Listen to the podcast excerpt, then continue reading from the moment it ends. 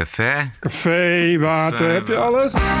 This is the TPO podcast. Damage control, hoe het niet moet. Bijvoorbeeld een autogordel. Ik heb meteen een bedrag overgemaakt aan Vrijdag Verkeer Nederland. Dat is gewoon een slecht voorbeeld. VPRO op zoek naar zijn geloofwaardigheid. We willen niet niks doen met alle kritiek die op ons afkomt. En geen greintje mededogen voor IS-bruiden. Dat ze dan nu tegen de wil van de Kamer een privévlucht terug naar Schiphol krijgt. omdat ze stroopwafels, goudse kaas en centrale verwarming mist. is een keiharde klap in het gezicht van de Jezidis, Assyriërs, christenen, Shiiten, Alevieten, Armeniërs, Druzen en alle andere groepen.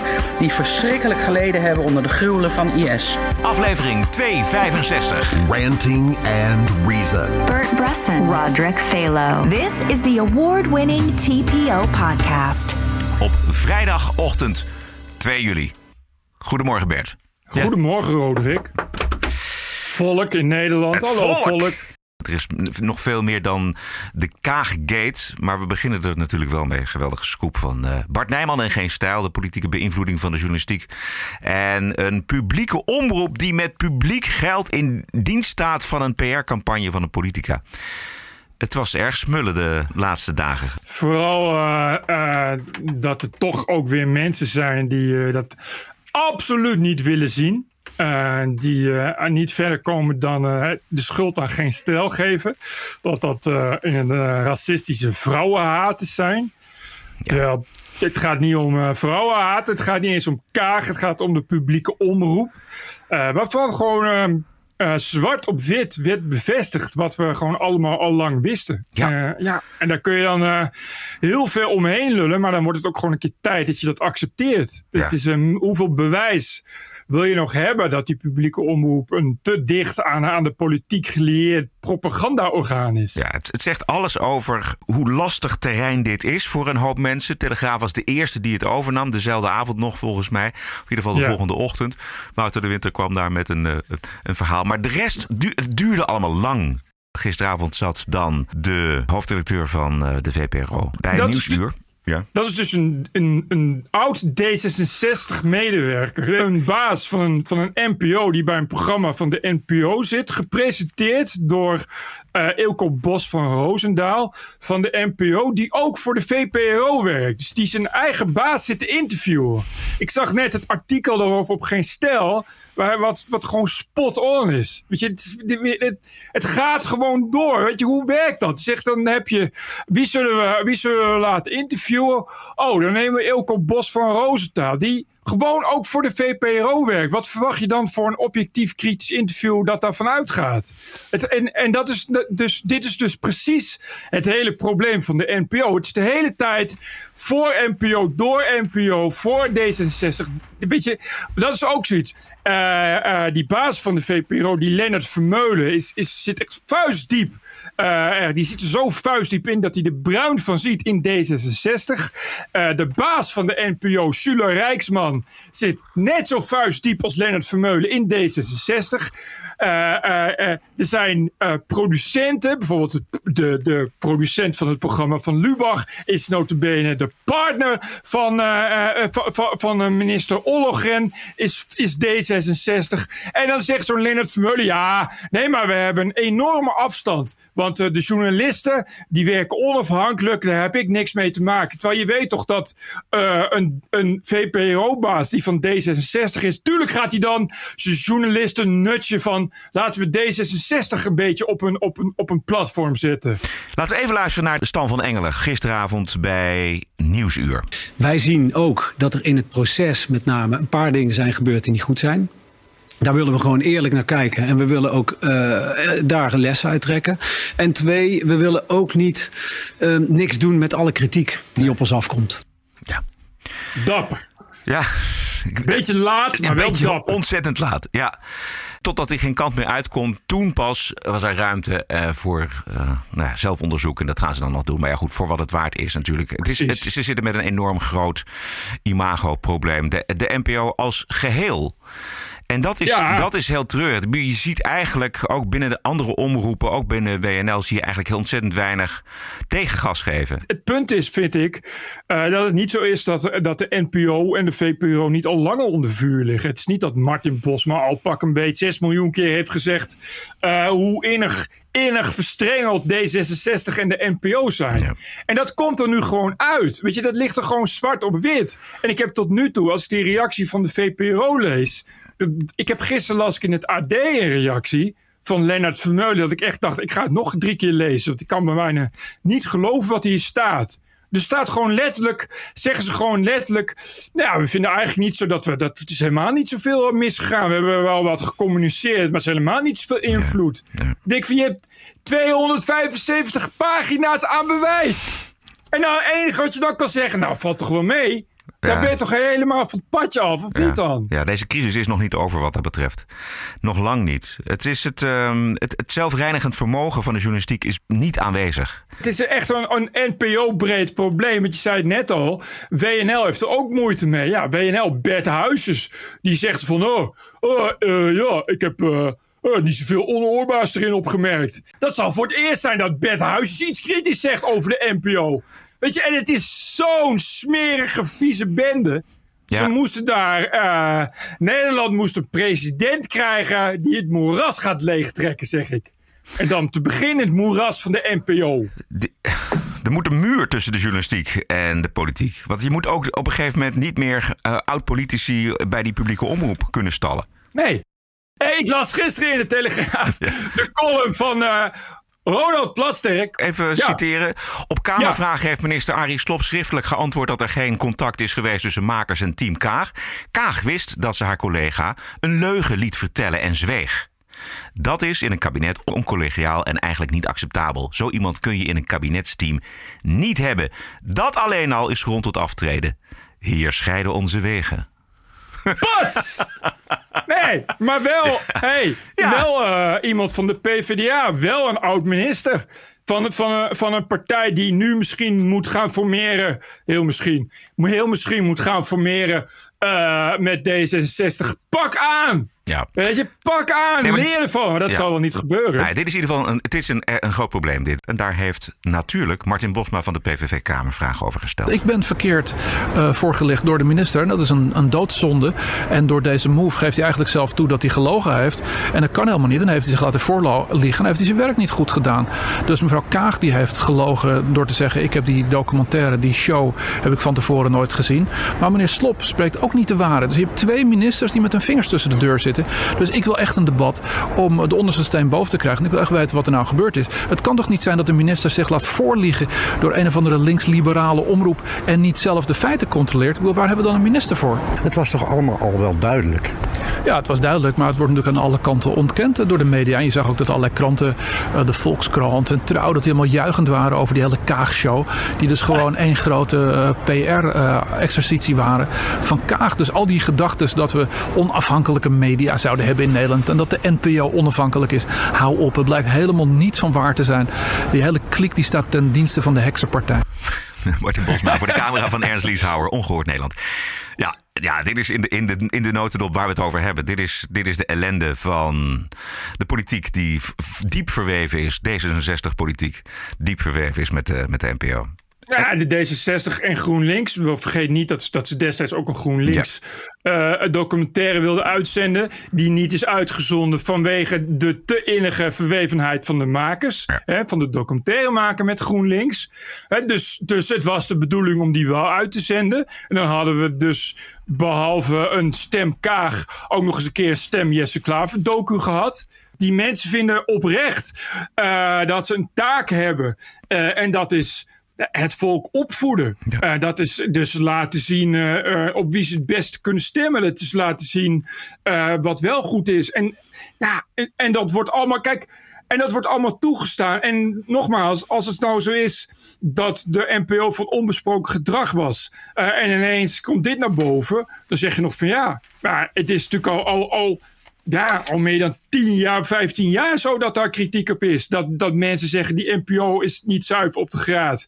Bedoel, dit zijn mensen die, die, die hebben een carrière gebouwd op D66. Wat verwacht je nou dat ze gaan doen? Ja. Ja. oh, ik word baas van de VPRO. Ik ga meer dan anderhalf ton per jaar verdienen. Ik word baas van de VPRO. Wat denk je dan dat hij dat dan gaat zeggen tegen zijn D66-collega's? Jongens, jullie kunnen niks met mij bekokstoffen, want ik ben onafhankelijk. Ja, Amarula. Je, je weet weet toch dan dat, dat, dat Lennart Vermeulen, ja, tuurlijk is die D66 corrupt. Ja. Excuses voor van alles en nog wat. Kaag. Bijvoorbeeld een autogordel. Ik heb meteen een bedrag overgemaakt aan Vrijdag Verkeer Nederland. Dat is gewoon een slecht voorbeeld. En daar ben ik in de fout. Dit ook, hè? Dit is onvoorstelbaar. Dat je denkt dat je met een bedrag van 200 euro Vreselijk. aan Veilig Verkeer Nederland het photoshoppen van een veiligheidsriem kunt goedmaken. Dit, dit, is, dit is dus. Dit is nou D66. Dit is precies wat ik bedoel. Dit is precies de mentaliteit die de VPRO en dat soort VPRO-journalisten hebben. Dit is Rob Wijnberg die een eurotje geeft aan iemand in een geel hesje. Ja. En dan erbij zegt: Zo ben ik dan ook wel weer. Hier, bedankt man, een eurotje. Kijk niet op je neer, want ik geef je een eurotje. 200 euro voor veilig verkeer in Nederland. Nu heb ik mijn zieltje afgekocht dat ik zonder gordel rijd. Het is echt. Ja. Ik geloof dat er twee bedrijven, die hebben een, twee maanden lang zijn ze bezig geweest om die autogordel erin te shoppen. Uiteindelijk kon het niet. Dus handenvol geld heeft dat gekost. En dan is die documentaire geweest, eh, komt er deze ophef en dan 200 euro overmaken aan Veilig Verkeer Nederland. 200 euro. Dus, eh, goed, je, je zielwitwassen, die aflaten waren nog nooit zo goedkoop in D66 hier. Echt waar. En dat dan ook nog normaal vinden. Hè? Dat je gewoon dus het publiek zo manipuleert dat wat je ziet dat dat niet waar is. Dat je dat ook echt gaat proberen. Dat je gewoon gaat proberen Oh, om... man, man, man, om, man, om- man. En dus, dus eigenlijk betekent dat de VPRO eigenlijk bereid was om keihard te liegen. Dat wat, dat wat jij en ik zien, dat dat, dat, dat, dat niet de werkelijkheid is. Ja. Dat je dan ook niet zegt tegen D66, ja, sorry, hè, of we halen het fragment eruit. Wat ik ook niet zou doen, maar dat als je dan een eis hebt van ik wil dit niet. Of niet, ik ga het niet, ik ga het niet de waarheid aanpassen. Nee, Dat ga ik niet doen. Nee. Het gaat niet om belichting of om een pukkel op je neus. Het gaat om een minister eh, die, zonder, die zonder autogordel rijdt. Ja, als dat dan gefilmd is, dan is dat de consequentie dat men daar, mensen daar iets van vinden. Dat is het hele idee van die documentaire. Ja, ja. Dat is het hele idee van die Ja. journalistiek. Kijk, hoe je het eigenlijk zou moeten oplossen, weet je, als je dat ziet, nou ja, dan, dan hoort dat erin, moet je verder gewoon laten voor wat het is. En als iemand erover begint te zeiken, wat natuurlijk gebeurd is, dan zeg je, nou ja, oké, sorry, jammer, we hadden haast, het is niet goed, maar ik ben ook maar een mens. Precies. Dat is, Precies. dat is de oplossing, meer hoef je niet te zeggen. Of je doet gewoon eh, als Wiebes, die werd ook betrapt zonder gordel. Dan haal je gewoon je neus op en dan lach je het volk uit. Ja. Dat maakt niet uit. Maar- je, reactie maar niet. Ik heb Photoshop. 200 euro betaald aan, aan veilig verkeer in Nederland. Dus nu is het oké. Nee, nu is het niet oké. Nu is het nog erger. Dit is nou Ja, een veel voorbeeld erger. van een vlek waar je dan heel hard in gaat wrijven. En dat je ineens tot de conclusie komt dat een kleine vlek op je t-shirt je halve t-shirt in beslag neemt. Nog even verder wrijven. Ja, maar uw campagneteam zei ook, ja, haar idealen komen niet zo lekker naar voren. Kan daar niet nog wat aan gedaan worden? Ander quoteje erin. Ja, dat was ook de kritiek op de documentaire. Hè, dat ze een onvoldoende beeld kregen daarover. Dat was terechte kritiek achteraf ook. Maar, wat vindt u ervan dat uw campagneteam dat probeerde? Ja, ehm, nou, het is niet op mijn verzoek. Eh, dat is, eh, Het geluid is eh, even wat minder. Ze kijken we daar vanuit bij- buitenlandse zaken en D66. Ja, wil nieuw leiderschap. Maar, ja, uiteraard. Nieuw leiderschap op inhoud, op keuzes, op houding. dit gaat over inhoud. Ja, maar als u er even naar uitpraten, dan, eh, dan zegt u... eh, dat wist ik bijvoorbeeld niet. En dat is een, afspraak, een werkafspraak geweest kennelijk aan het einde. Maar documentairemakers hebben hun eigen onafhankelijke inzichten en keuzes gemaakt. En ik denk dat het, eh, het opmerkingen zijn geweest, die kunnen ze meenemen, kunnen ze negeren. Dat is aan hen. Nee, nee, nee, dit klopt niet. Want het, er is zoveel druk gezet vanuit Team Kaag op de VPRO... dat dit niet klopt wat ze zegt. Op papier hebben ze natuurlijk de eindverantwoordelijkheid... maar dat is Nou, natuurlijk in de praktijk is dat helemaal niet nagekomen. Nee, dat zie je ook. Dat is ook. Dat is, sterker nog, die, die, die eindredactie of die makers. Ja, die hebben gewoon. Die hebben toch in die mailtjes gezegd van. eh, misschien is het handiger als Kaag zegt dat ze de documentaire niet heeft gezien. Ja, nee, Dus nee, die, hebben gewoon, Ja. die hebben gewoon aangedragen aan de minister. Aan de minister, die ze kritisch moeten volgen, waar ze juist grote afstand van moeten houden, hebben aangedragen om te liegen. En, en, en, en dan hebben ze ook nog, zo blijkt, er alles aan gedaan om die WOP te voorkomen. Nou, hoe zou dat nou toch komen? Het is bijna alsof ze wel aan zouden komen, welke shitstorm er over ze heen zou komen, als dit soort dingen zouden worden gewopt. Weet je, en dit is ook nog eens een keer de arrogantie om dat allemaal maar eens lekker onder het tapijt te vegen. Ja, er zit maar één ding op. Eh, en dat is dat we nieuwe verkiezingen krijgen. Ja, dat is suggereerde Wilders. Uh, dat, Ja. En daar had hij een punt. Hij twitterde dat de verkiezingen in maart onrechtmatig beïnvloed zijn door de met publieke geld betaalde propagandadocu over Kaag. Ja. En dat die verkiezingen dus niet eerlijk zijn verlopen. Hij heeft technisch gezien een punt. Want ja, kijk, elke, elke politieke partij krijgt evenveel zendtijd. Of zendtijdverdeling naar weet ik veel wat. Eh, maar dat, weet je, dat, daar, daar is een systeem voor. En waar heel nauwkeurig op wordt gelet. Omdat je dus als publieke omroep niet een partij wil extra bevoordelen. Eh, ja, dat kun je nu niet meer zeggen. Je kan dus nu zeggen dat D66 de enige partij is die extra zendtijd voor politieke partijen heeft gekregen. En dat mag niet. Dus dan zijn je, zijn je, zijn je verkiezingen zijn, eh, zijn eh, onrechtmatig. Ja, en dat had ze al, want wij is, D66 is de meest uitgenodigde partij geweest eh, bij de publieke omroep richting de verkiezingen. Kaag zat overal, eh, J- Ja. Jette zat overal. Dus dat is ook allemaal. Weet je, als je ja- nou naar die programma's KM en de wereld draait door, weet je wat, het, is, het was natuurlijk altijd al een, een, een linksbolwerk en een Precies. D66-bolwerk. Nee, dat, precies. En daar kun je dan niks aan doen. Hè, want dan zeggen die mensen, ja, maar ja, eh, het is nou eenmaal verkiezingen. Dus we kiezen, mogen er zelf voor kiezen, want ze zijn onafhankelijk. Wie er nieuws zit. En dan ga je turven en dan, zeg je, dan zeggen ze, ja, oké, D66 was iets meer. Maar goed, hè, dus, dus eh, prima. En daar kun je dan ook niks aan doen. Maar in dit geval is zwart op wit dat er bemoeienis is geweest van de NPO. Ja. Nou, daar is, en dus heeft Wilders gewoon een, een technisch punt. En ik weet niet hoe dat in de wet geregeld staat. Maar als ik Wilders was, zou ik het even volhouden. En, een, eh, en er een jurist op zetten. Het Ja. zou zomaar kunnen dat als je hier een serieuze zaak van maakt. dat dan nog eens wat gaat uitrollen. Ja. Want daar zijn inderdaad heel veel regels voor. Ja, commissariaat van de media schrijft... eh, hoewel het de omroepen vrij staat zelf vorm en inhoud aan hun mediaaanbod vorm te geven... moet dit zonder overheidsinvloeden tot stand komen. En het commissariaat Precies. houdt daar toezicht op. Dus eh, die gaan ook, of die zijn voornemens om daar een onderzoek naar te- doen. En, en, En de ombudsman ook. Ja, precies. De wet kan met voeten getreden zijn in deze zaak. Ja, dat, dit, dat heeft sowieso een staartje. Ja. Ik denk sowieso dat die, eh, dat, dat, eh, die positie van die Lennart Vermeulen wordt denk ik wel onhoudbaar snel. Dat is een, natuurlijk wel een ledenomroep.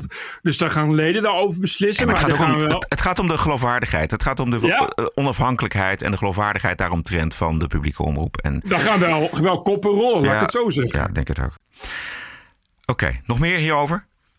Nee. Nee. Zullen we even een kop koffie halen en dan eh, door? Ja. Oké. The award winning TPO podcast. Ander. We kijken naar drie levensgevaarlijke en kapitale missers in het Europese immigratiebeleid. De dood van een 13-jarig meisje in Oostenrijk. En vier doden en nogal wat gewonden in Würzburg in Duitsland. En de veroordeling van een antisemiet en een homohater uit Syrië in Nederland. En om met dat laatste te beginnen, het Openbaar Ministerie heeft eh, TBS met dwangverpleging geëist tegen de Syrische Palestijn Saleh A. Wegens brandstichting en het vernielen van het Joodse restaurant HKML in Amsterdam, meerdere keren zelfs. En hij heeft ook homo's uitgescholden bij een gay bar. En nou zegt de officier, die noemde A een gevaarlijke verdachte met geradicaliseerde ideeën, maar ook iemand met een bijzonder kwetsbaar bestaan en iemand met een ingewikkelde psychische problematiek. En volgens gedragsdeskundigen is de verdachte sterk verminderd, toerekeningsvatbaar door zijn psychiatrische problemen. De rechter doet 14 juli uitspraak, maar als de rechter de officier van justitie volgt, wat nog helemaal met de vraag is, dan zit deze man dus de rest van zijn leven op kosten van de samenleving in een TBS-kliniek in Nederland. Althans, voor nogal wat jaren. Kunnen ze hem niet uitzetten? Ja, dat is helemaal heel simpel. Maar je kunt ook zeggen, hij gaat de gevangenis in voor wat hij gedaan heeft en daarna zetten we hem uit. Want dat is inderdaad. Ja.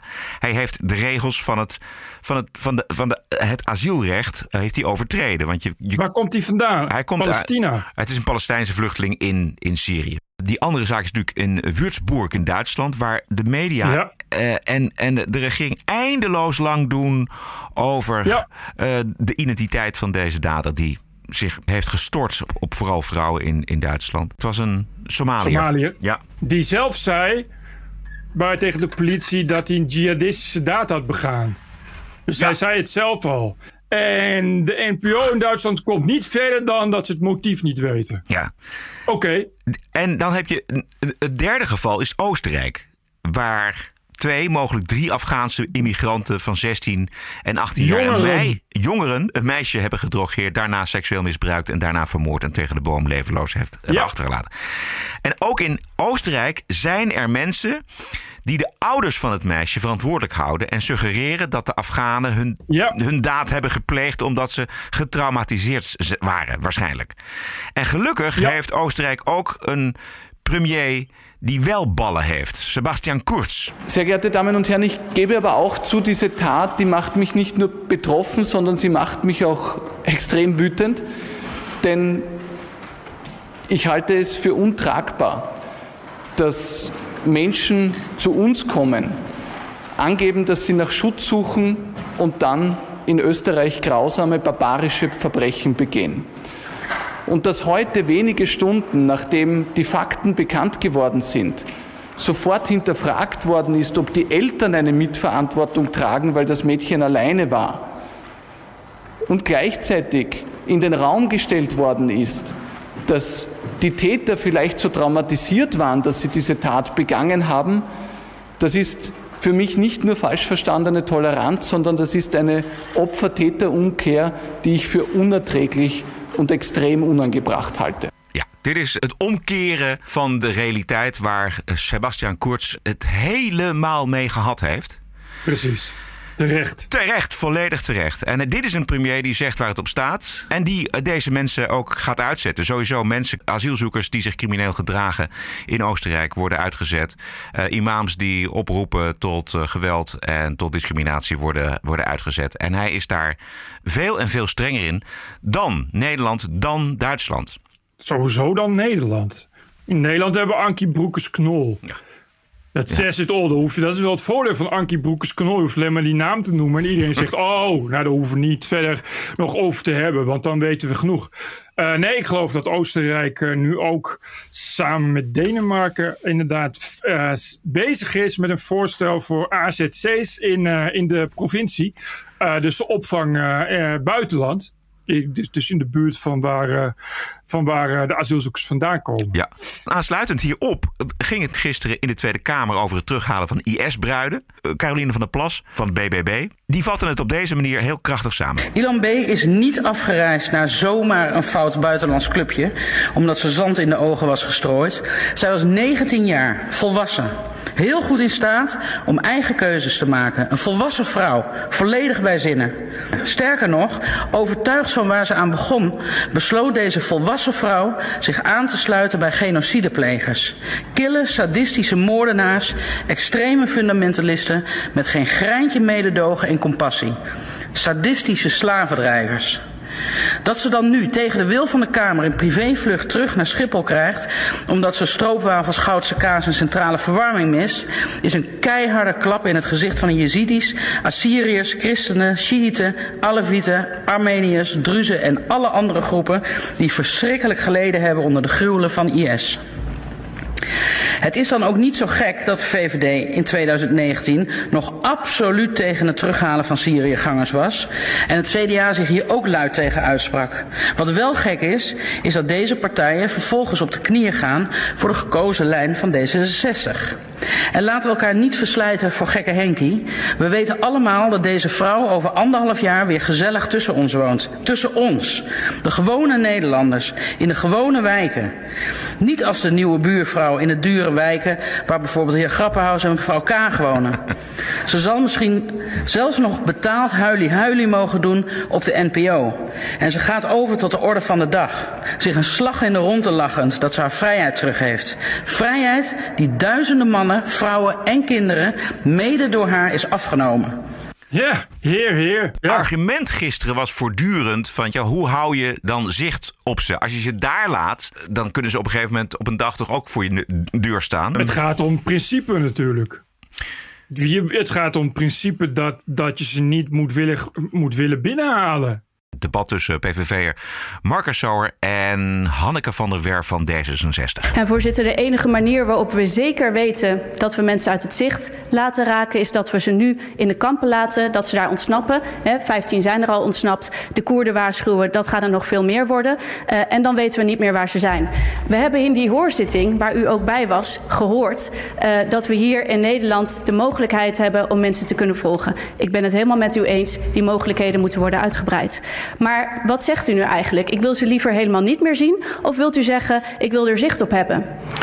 Ze moeten niet hier zijn. Op het moment dat ze hier zijn, zullen ze aanslagen plegen. Zullen Nederlanders, onschuldige Nederlanders, zullen vermoord worden. Dus ze kunnen hier niet zijn. Dat is van een krankzinnigheid. Die, ik, ik begrijp helemaal niet eens dat we daarover debatteren. Er zijn terroristen die hebben de meest verschrikkelijke vreedheden gepleegd. En die halen we nu vrijwillig terug. En die geven we amper een stelstraf. En we zullen ze amper in de gaten houden. Daarna waarschijnlijk helemaal niet in de gaten houden. Je moet ze dus, zoals ik net ook gezegd, heel ver weghouden van ons. Zo ver mogelijk. Syrië en Irak is eigenlijk niet eens ver genoeg. Ze moeten in die donkere put blijven waar ze nu zijn en nooit meer terugkomen. En als ze beweging maken om terug te komen, moet je ze zo hard terugduwen dat ze niet eens meer kunnen nadenken om terug te komen.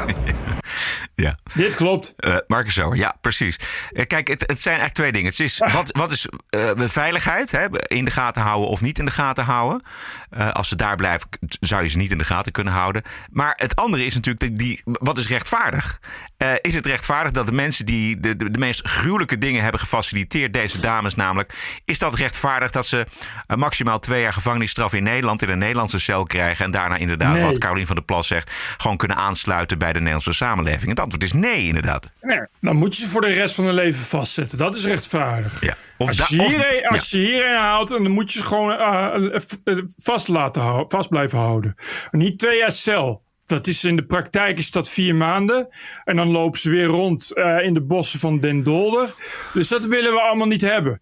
Eh, dat, als je dat dan wil, als je er zicht op wil houden, dan moet je ze hier vastzetten in de EB in Vught. En ook niet meer vrijlaten. Dan heb je er inderdaad goed zicht op. Dat lijkt me een heel wijs besluit. Maar beter nog, laat je ze gewoon daar. En laat je ze daar berechten door de mensen die hebben geleden onder eh, de terreur van IS. Ja, en eh, ik snap, dat, ik begrijp gewoon niet wat, wat Marcus zo ook al zegt. Waarom wordt er überhaupt over gedebatteerd? Wat willen die, dit soort D66-types? Waarom willen die dit nou allemaal zo graag? Want die vertellen nu wel een heel mooi verhaal over ja, zicht hebben, bla bla bla. Maar in werkelijkheid vinden ze gewoon dat ze, vinden ze het gewoon enorm deugen om die mensen hierheen te halen. En dan is het weer eh, mensenrechten en zielige mensen. Ja, ik snap gewoon niet waarom we daar nooit eens een keer overheen kunnen stappen. Het liep op een gegeven moment mis omdat hij dit zei. We weten toch allemaal dat mevrouw Kaag heel graag terroristen om zich heen heeft. Ze sponsort terroristen in Palestina of in de Palestijnse gebieden, die vervolgens een Joods meisje vermoorden. Dat weten we toch allemaal. Ik maak het punt van de orde. Er wordt hier door een Kamerlid gezegd dat een minister zich graag omringt met terroristen. Dat, is, dat heeft niets met inhoud te maken. En het is gebruikelijk dat u daar als voorzitter iets van zegt. Ja, dat zal ik niet doen. Bosma is voorzitter. moment. Ik vind dat eh, elk Kamerlid eh, hier moet kunnen zeggen wat hij wil. Tenzij de grenzen van het onbetamelijke worden overschreden. Voorzitter, ik vind dat we dit debat moeten schorsen. Ik ga niet verder onder een voorzitter die niet ingrijpt als een minister verweten wordt dat zij zich omringt door terroristen. Ik ga niet verder met dit debat met een voorzitter die dan niet ingrijpt. Ja, dit is een mevrouw van eh, GroenLinks. Die loopt op een gegeven moment weg. Ellemeet. Ja, die kan het niet meer aan. Ik ook niet. Ik loop nu weg uit dit programma. Ja, de vraag is nou, was dit nou een lastig pakket voor Martin Bosma? Nou ja, eh, ik, ik weet ik niet. Ik, ik, ik vertrouw eh, Martin Bosma eerlijk gezegd op zijn onafhankelijkheid. Eh, en je weet, kijk, natuurlijk, Martin Bosma is natuurlijk alles aangelegen om de vrijheid van meningsuiting zo breed mogelijk te maken in de Kamer. Ja, Daar weet je natuurlijk zelf alle, alles van. Nee, maar hij zegt ook, ik, dat, daar zit een grens aan, namelijk de, de grenzen Ja. van de betamelijkheid. Ja. Nou ja, daar, daar kun je over discussiëren. Je kan niet in zijn hoofd kijken. Je kan alleen discussiëren over wat is, wat is betamelijk. Kijk, die voorzitter, die, de, en dat, die heeft dus inderdaad, is, hij is ge- gebonden aan regels. En een van die regels is, je mag de grenzen van het betamelijk niet overschrijden. Maar ja, wat de grens van het betamelijke zijn, is subjectief. Ja. En GroenLinks Dus- vindt dat die grenzen overschreden zijn, Ja. maar heel veel andere Ja. mensen vinden dat niet. Bovendien, Kaag heeft, kan zich ook zelf verdedigen. Exact. Wat later ook gebeurde. En overigens, Ja. ik bedoel, ik heb, ik heb eh, eh, al, ook met de nieuwe voorzitter al regelmatig gezien dat inderdaad mensen huilie-huilie gingen doen. Eh, over, over wat de PVV zegt of de FVD. Maar die, die Kamervoorzitter, die gewoon van D66 is, die gaat daar niet in mee. Weet je, dus het is iets wat, wat voorzitters allemaal prima verstaan. En wat voorzitters allemaal eh, prima in zich hebben om daar niet zomaar inderdaad in mee te gaan. Om niet zomaar te zeggen, oh foei, dit mag niet. Ja. GroenLinks wilde dus dit debat schorsen, dat is niet gebeurd. Eh, nog even een paar andere korte reacties. Voorzitter, schorsing hoeft niet van mij. Ik vind de uitspraak wel over de top. Joost Eerdmans. Onverstandig. De heer Van Haga. Voorzitter, je, je mag hier van mening verschillen en je mag hier tot in grote mate uh, je eigen woorden gebruiken. En uh, mevrouw Kaag is niet van suiker en dat weten we allemaal. Dus ik denk dat zij hier absoluut zelf uh, een mening over kan hebben. Dat gaan we straks ook horen. Dus ik zou die vrijheid van een zelfstandig Kamerlid hoog willen achten. En ik vind hier een ander politiek probleem ontstaan. En dat is dat de voorzitter wordt aangevallen. Waarschijnlijk omdat hij van dezelfde partij is. En dat mag nooit gebeuren. We hebben een onafhankelijke voorzitter die beslist. En laten we dus gewoon verder gaan met dit debat. Mevrouw van der Plas. Ja, ik wil me eigenlijk uh, van harte aansluiten bij de woorden van uh, de heer Van Haga. Um, kijk, die woorden die meneer Mark zou gebruikt, die zou ik ook nooit gebruiken. Weet je, ik vind ook, ja, waarom moet dat? He, hoef je om dat kracht bij te zetten. Maar ik ben het er wel mee eens dat uh, mevrouw Kaag kan zich hier daarop verdedigen. En die zal dat ook doen. En ik vind inderdaad ook, de Kamervoorzitter is onafhankelijk. En ik vind het heel stuitend dat eigenlijk in een soort van ondertoon uh, wordt gesuggereerd dat hij niet onafhankelijk is omdat hij van dezelfde partij is. En ik vind het dat niet kunnen. Juist. Exact. Alles is dat politiek. ja. Dat is, maar dat is het probleem. Dat- Als je dat gaat doen, is prima. Dat kun je bij een Bosma doen, maar dat krijg je dan bij alle voorzitters. Ja, exact. En, en is al, maar dat, ja, het is hetzelfde als voetbal en scheidsrechter. Weet je, de tegenpartij vindt altijd dat je partijdig bent. Weet je, degene die de, de partij die de rode kaart krijgt, vindt altijd dat je, eh, dat je partij trekt voor de andere kant. Dus eh, ja, en ik vind, ik, ik, ja, weet je, ik, ik sluit me ook aan bij deze sprekers. Het is misschien, eh, je kan het onbetamelijk vinden. En het is zeker ook niet netjes. Maar ja, het is niet dat, eh, dat Kaag zich niet kan verdedigen. Weet je, dat is nou eenmaal het spel. En op het moment dat je dan gaat ingrijpen en een debat gaat schorsen, eh, wordt het Vanwege niet de beter. voorzitter. Dan moet je, je moet een debat, moet je ook je debat afmaken en niet uit weglopen. Want het is gewoon je middelvinger opsteken naar, naar, naar het parlement verder. En ik vind verder dat die hele Ellemeet gewoon een, een jankert is. En van de partijen die zelf de moslimbroederschap heeft binnengehaald, trek ik maar heel weinig überhaupt. Ja. Nee, het is ook puur politiek van haar om van eh, de, de rol van de voorzitter een politiek spelletje te maken. En dan, Precies. en dan bo- boos weglopen als je gedram geen effect heeft. Dus dat, is, dat deugt van geen meter. Oké. TPO Podcast. Wij gaan zo meteen naar de Wokweek, maar ik wil eerst nog eventjes naar een van mijn favoriete ochtendbladen. Dat is de Volkskrant. Geweldig dader is slachtofferverhaal in de Volkskrant van afgelopen woensdag. Volkskrant? Ja. De kop luidde: Papa moet nog een half jaar langer zitten. Door een wetswijziging komen gedetineerden niet meer automatisch vrij als twee derde van hun straf erop zit. En dat lijkt me een goede zaak, vandaar de wijziging van de wet. Nee, de Volkskrant schrijft: de man van Melody moet daardoor langer zitten. Dit weekend zouden de kinderen en ik hem voor het eerst weer kunnen knuffelen. Het leed is niet te overzien. Papa zat een groot deel van zijn tienerjaren in de jeugdgevangenis. Maar in 2013 wilde hij dat allemaal veranderen. Ons zoontje was geboren terwijl ik vastzat, zegt hij. En het laatste waar ik aan dacht was iets doen waardoor ik hem eh, niet meer zou kunnen zien. Toch ging hij snel weer de fout in.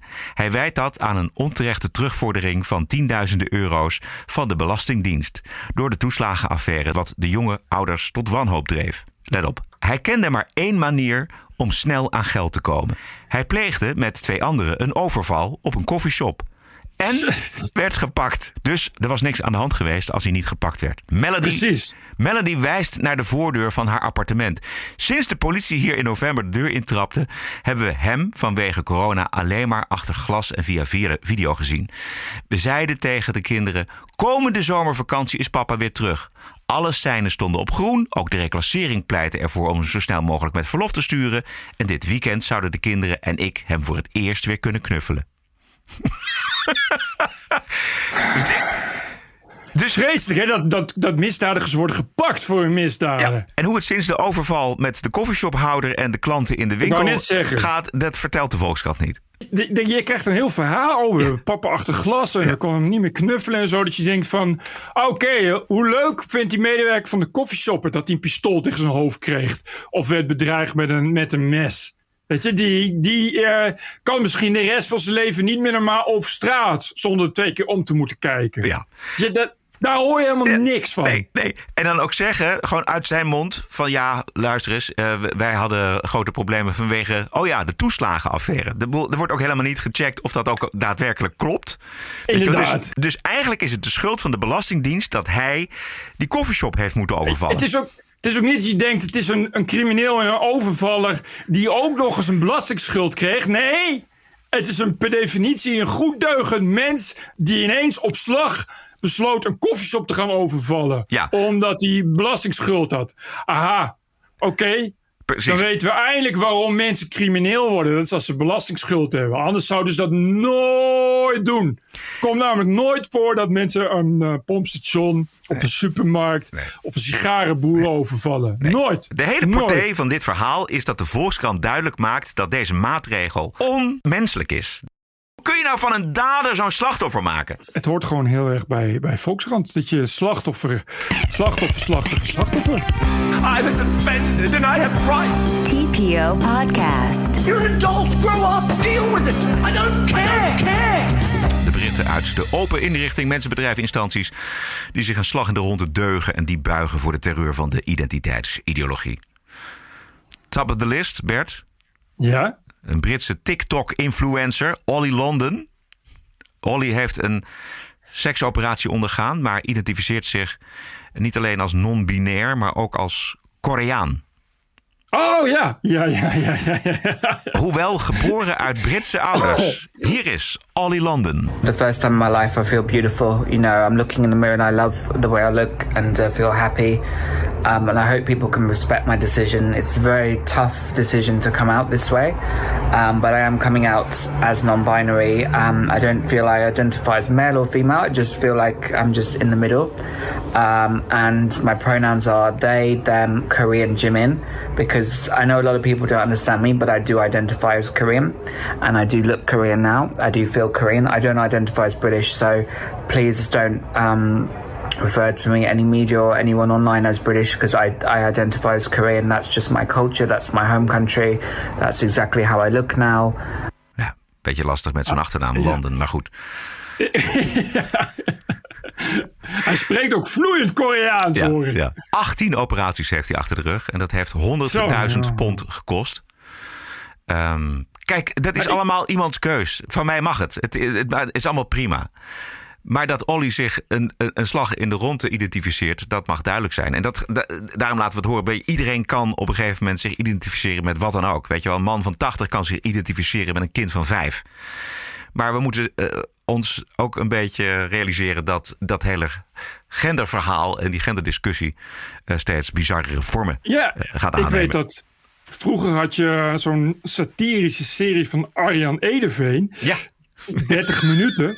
Eh, in een van die afleveringen is Arjen Edeveen een Hollandse eh, boer die eh, zich identificeert als bosjesman van een, van een obscure Afrikaanse ja, Oh ja. clan waar ze met peniskokers rondlopen. en Zo. En Dan zie je de hele aflevering ook dat hij, ja, zoals dat bij Arjen Edeveen gaat, is bloedserieus. Dat hij inderdaad grotere oorbellen krijgt en zijn, zijn huid wordt te gemaakt. En dan zie je hem in zijn, in zijn eigen polderland, gaat hij jagen op hagedis met een speer. En dan langzaamaan heeft hij ook gesprekken met psychiaters, waarin hij voor het eerst in het wild mag worden uitgezet. En dan nou, wordt hij dan in, eh, in eh, wordt allemaal satire. Ja, satire, ja. snap je? Satire. Ingehaald. Ja, werkelijk, ja, werkelijkheid Ik, heeft de satire ingehaald. Ook, eh, ik neem aan, eh, is het al bekend of hij zich identificeert als Noord-Koreaan of Ja, Zuid-Koreaan? dat is ook gewoon een goede. Ja. En, Ja. en gaat hij daar dan ook wonen? Want ik neem aan dat als je je als Koreaan identificeert, dat je graag tussen Koreanen wilt gaan wonen. Ja. Of woont hij daar al? Weet ik niet. Nee, nee, nee. Hij Oh, zit nog oké. in. Hij, eh, dit waren opnames uit een ziekenhuis waar hij net zijn operatie had Ah, eh, gedaan. Hij zoekt allemaal zelf de publiciteit, want hij is dan een van die influencers eh, die- met meer dan 100.000 volgers. Ehm, kijk, vorige week hadden wij het over het, een genderkind van zeven. We hebben het eerder gehad over een geval en ook laten horen van ouders met een kind die op de derde al wist dat hij een eh, meisje was en geen jongen. Het kan allemaal, het mag allemaal, maar ja, die hormoonbehandelingen en operaties, daar moet je maar zo lang mogelijk mee wachten volgens mij. Tot je 18 zou ik zeggen. Ja. Of nog langer, maar goed, eh, 18, eh, dan ben je volwassen en dan kun je zelf doen wat je wil. Ja, zoals deze jongen. Ja, ik, of, ik snap gewoon, ja, nou ja, als je dan eh, wilt laten verbouwen tot Koreaan, dan moet, je dat, eh, moet je dat doen. Maar ik- dat je, bij kinderen vind ik inderdaad, eh, nee ja, dat is, dat is, maar ja, het gebeurt wel. Er zijn heel veel mensen die nog dachten dat dit een grap was. Eh, met je gezonde verstand Nou ja. denk je van dit is een grap. Maar, Dat denk je dus ook, Ja, dat denk je ook. Maar dat is het niet. Want ja, de, alle eh, 18 operaties, al het, alle ellende die hij op zich genomen heeft, al het geld wat hij eraan heeft uitgegeven, dat is geen grap meer. Om Nee. Koreaan te zijn. Ja. Ik dacht dat je gewoon kon emigreren en een paspoort kon aanvragen. Maar goed. Ik, eh, ik woon in Spanje, dus als ik Spanjaard wil worden, moet ik operaties ondergaan misschien. Met dat mijn huid wat donkerder wordt. Dat ik ook iets, iets korter word, want ik ben met mijn 1,90 meter hier toch net iets lang. Moet je naar de sportschool, want die Spanjaarden hier helemaal een beetje breed. Ja, moet je wel Dus, weer een eh, nieuw ja. paspoort aanvragen, Bert. Eh, ik wil het wel respecteren, maar ik vind het een beetje raar dat hij nu ook graag geen Brit wil worden genoemd, terwijl hij een Brits paspoort heeft.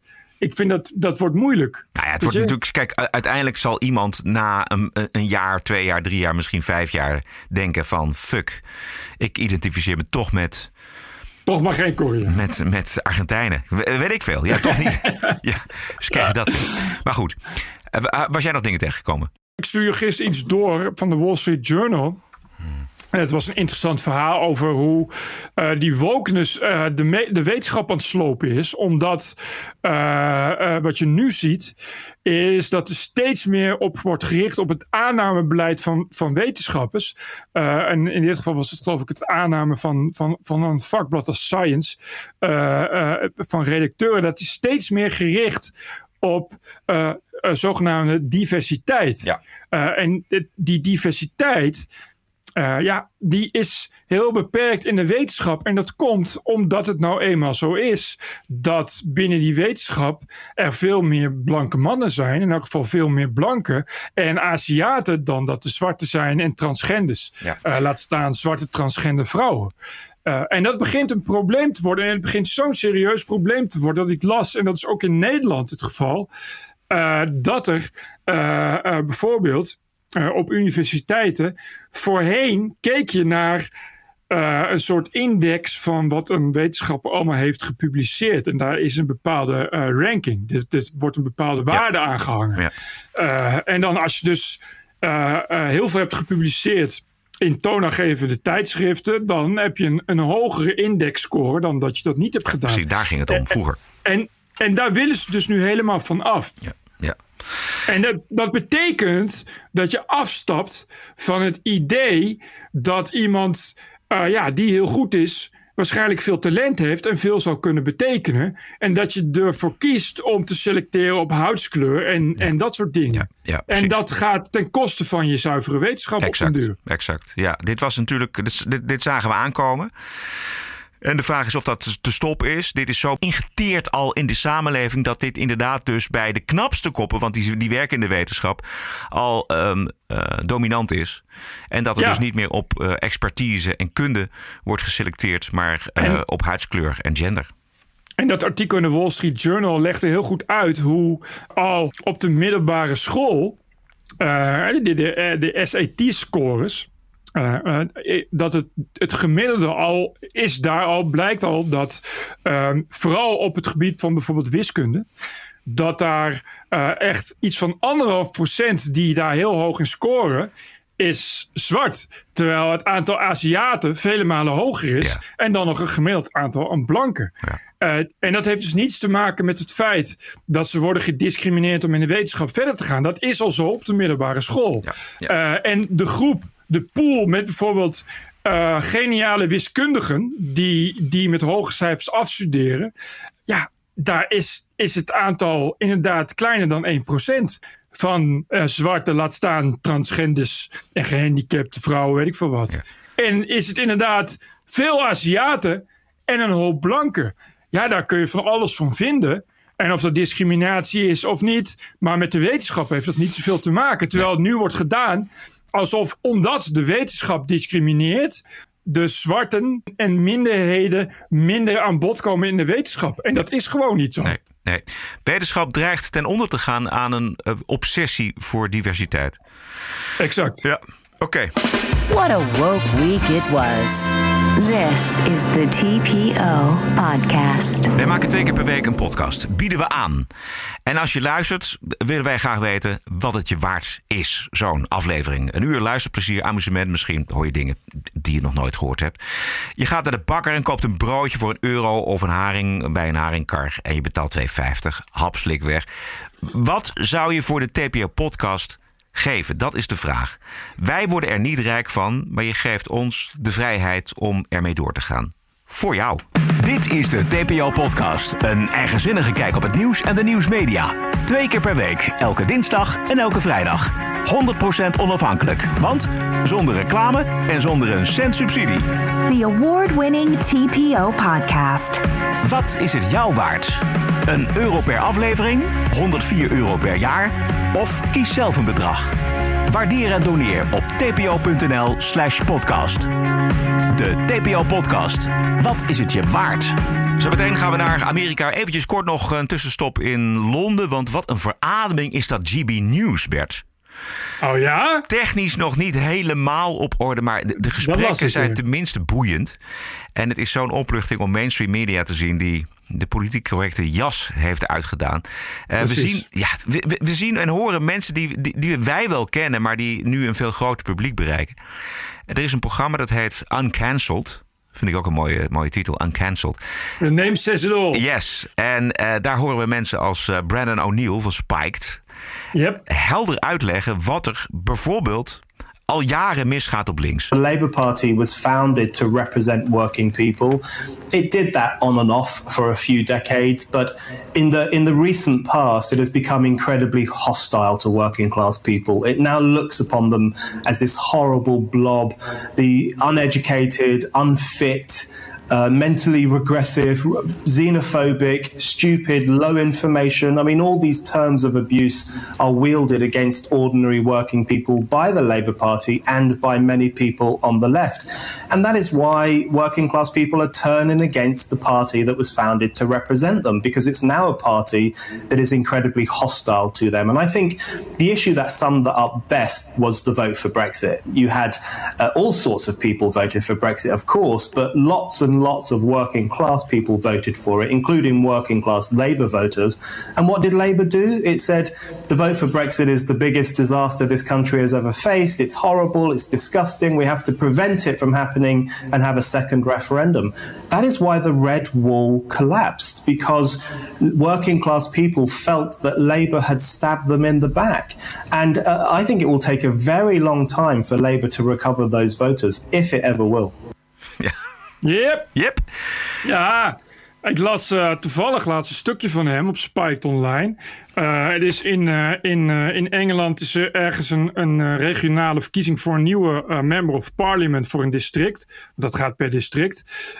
dat is hetzelfde district als waar toen die, die door een extreemrechtse gek vermoorde Joe Cox oh, ja. voor in het member of parliament zat. en daar is dus Labour is daar campagne aan het voeren.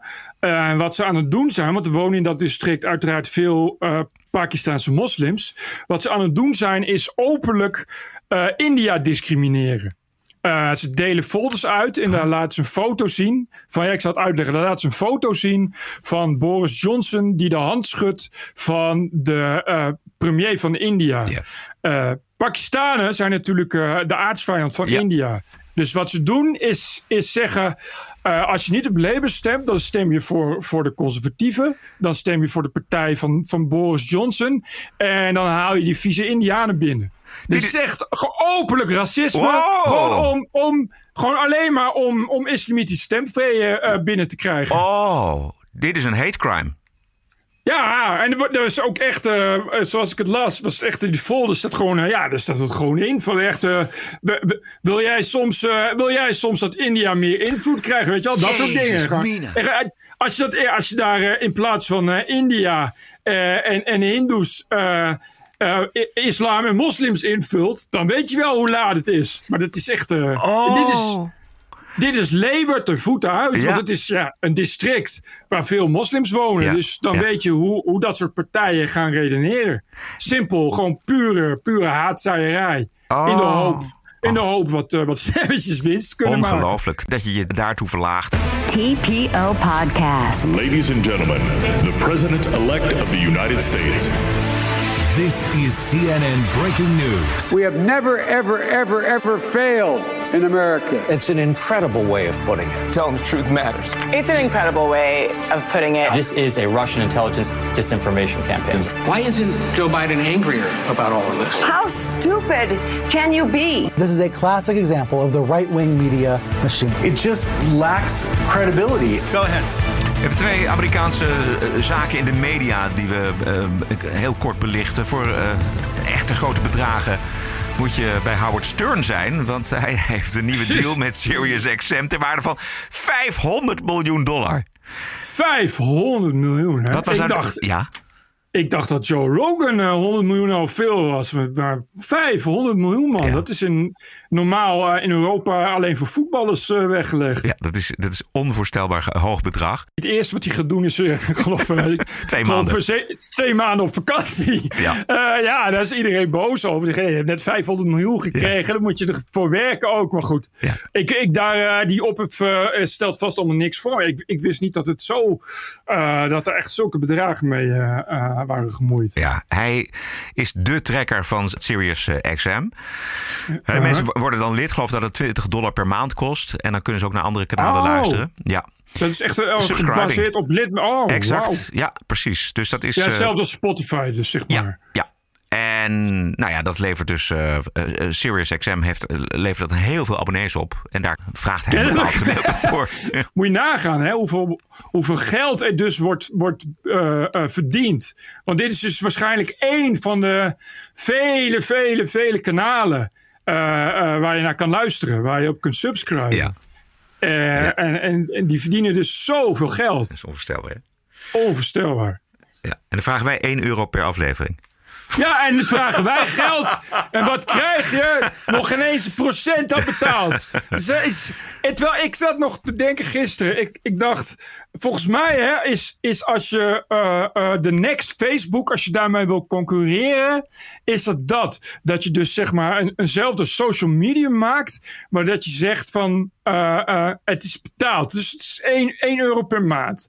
En het, het gevolg is dat je privacy is veilig, want we hoeven niks te verkopen aan adverteerders en geen trackers en helemaal niks. Weet je, dus, dus je, krijgt, je krijgt voor terug een netwerk wat volledig, volledig veilig is, waar we helemaal niks doen met geen commercie. eh, we zijn onafhankelijk en we doen verder niks. Je privacy is veilig. Je, je gegevens hebben we allemaal niks aan.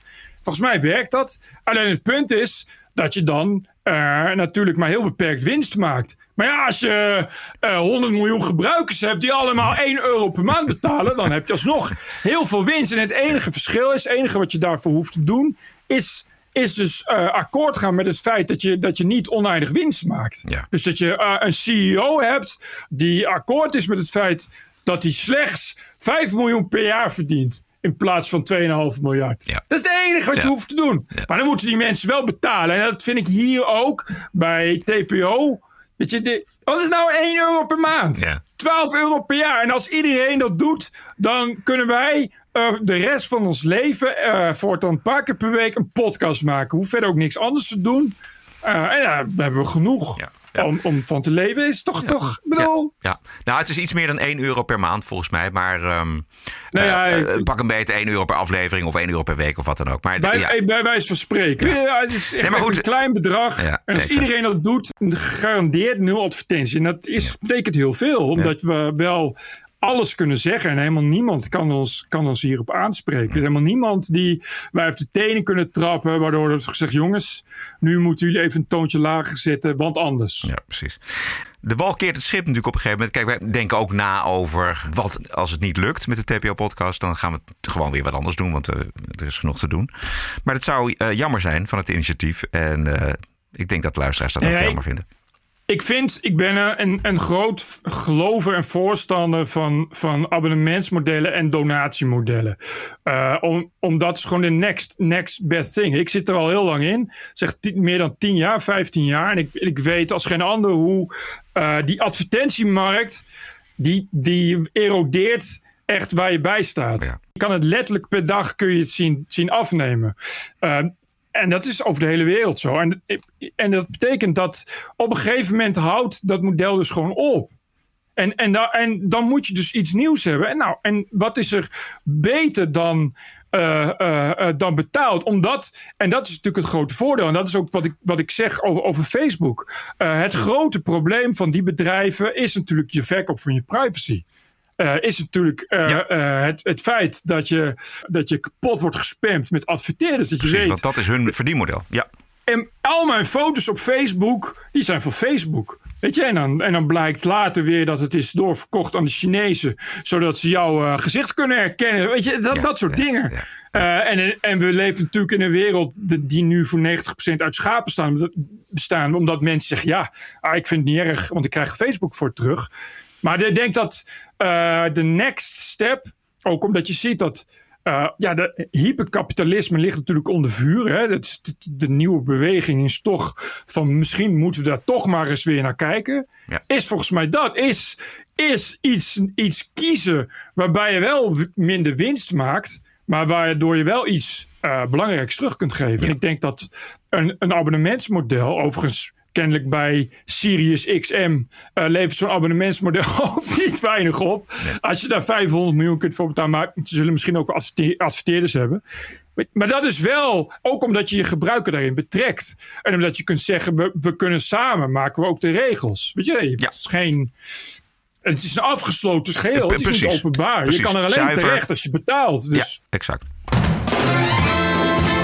This is the TPO podcast. Eh, tot slot de bonus quote. Deze week was het 21 jaar geleden dat prinses Diana om het leven kwam. Zij werd vereerd als een heilige. En haar zoon prins Harry is haar plaatsvervanger op aarde. Met een eigen vermogen van 40 miljoen dollar belastinggeld en een firma die inclusie en diversiteit verkoopt aan Netflix en Oprah Winfrey, heeft Harry een belangrijke boodschap voor onze luisteraars en voor eigenlijk iedereen in de hele wereld. Later this week, my brother and I are recognizing what would have been our mum's 60th birthday.